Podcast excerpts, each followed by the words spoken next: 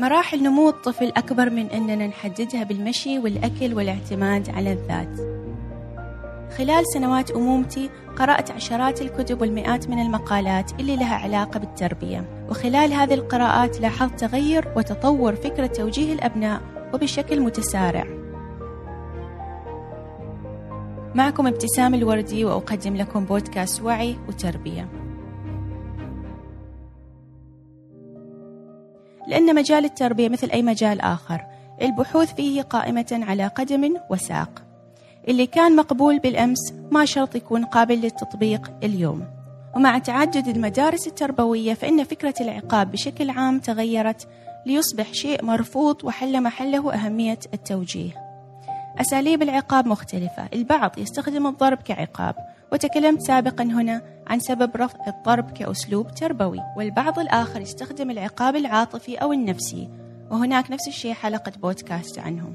العقاب العاطفي يكون مثلا بمقاطعة الطفل أو تجاهله أو بالابتزاز العاطفي مثل البكاء أو التظاهر بالمرض أو لوم الطفل على وضع المربي أو الشتم أو الصراخ أو التهديد أو مقارنة الأبناء بغيرهم. وهناك من يطبق أسلوب الحرمان مثل الحرمان من شيء يحبه الطفل أو من مشوار معين أو غيره. والبعض يستخدم كرسي العقاب أو الاحتجاز أو عزل الطفل. إذا لماذا نعاقب؟ وهل هناك بديل أفضل؟ نحن نعاقب لأننا نريد توجيه الطفل بحيث يفهم الصح من الغلط. لكن وقت ما نعاقبه نكون مليانين بمشاعر غضب وغيظ ونكون مستائين بشدة وجايز نقدم على تصرفات نندم عليها بعدين. وهذا معنى أننا خرجنا تماما عن هدفنا الأساسي واللي هو تعليم الطفل وتوجيهه. وصار الطفل مكب لمشاعرنا السلبية فقط. يمكن تنكر بأن مشاعرك كانت غاضبة بتلك اللحظة وأنت تعاقب. فإذا كنت كذلك بالفعل فما راح تلجأ للعقاب كحل سريع لتوجيه الطفل. بالعكس راح تتحاور وتتفاهم معه. أكيد أنكم تتساءلوا الحين عن الخيارات المتبقية. ويمكن تقولوا بأني ما تركت لكم أي خيار لتوجيه الطفل.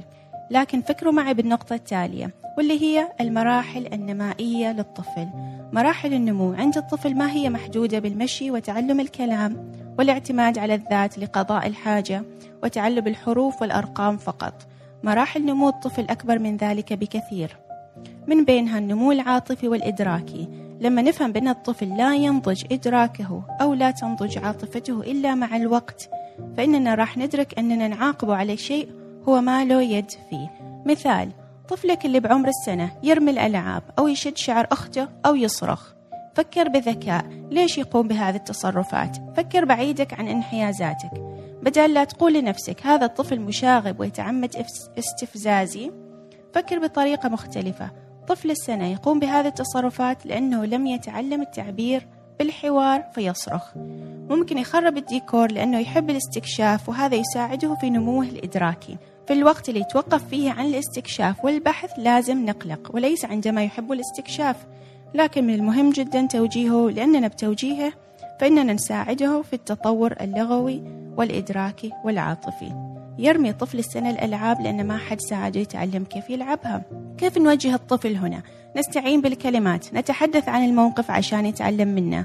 ولما يضرب بدل بدلا من عقابه عقاب ما راح يفهم جدواه ممكن تقول له محمد الضرب مؤذي لذا لا نضرب.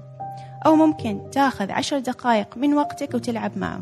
الطفل اللي ما تلقى توجيه للعب والاستكشاف واللي ما نتحاور معه أكثر لجوءا للغضب والضرب والتخريب.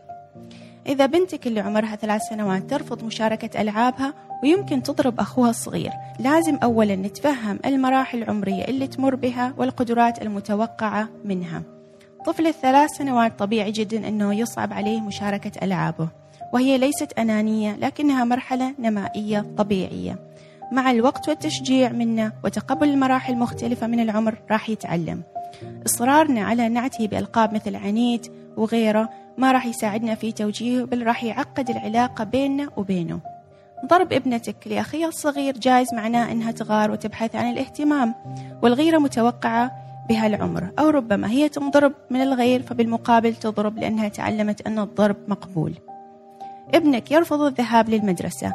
تفهم بأن الأطفال يحبوا اللعب ويتعبوا من الروتين والضغوطات الكثيرة عليهم. وتفهم نفس الشيء أنه ربما يواجه شيء يضايقه بالمدرسة. وربما ارتبطت الدراسة عنده بعصبيتك الدائمة عليه في كل اللي يتعلق به. أو ابحث مع المدرسة عن الأسباب أو ابحث مع الطفل نفسه وبهدوء. فهمه إنك تقدر شعوره فتقديرك للي يمر به راح يساعده بتقبل المدرسة وتقبل توجيهك. تحليلكم للمواقف وتقبل بأن أطفالنا يعيشوا مراحلهم العمرية بشكل طبيعي لأن دماغهم ما يزال ينمو راح يجنبكم الشد والجذب معهم. هذه المشاكل ليست نهاية الدنيا وأهمها في التربية الاستمرارية والثبات. الاستمرارية في استخدام التوجيه الإيجابي والصبر وطولة البال.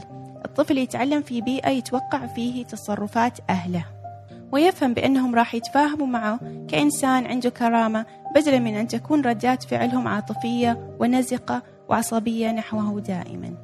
بعض الصبر منا والكثير من التفهم والتعاطف معهم راح يجنبنا الحروب اليومية معهم والأهم راح يحببهم فينا وفي صحبتنا.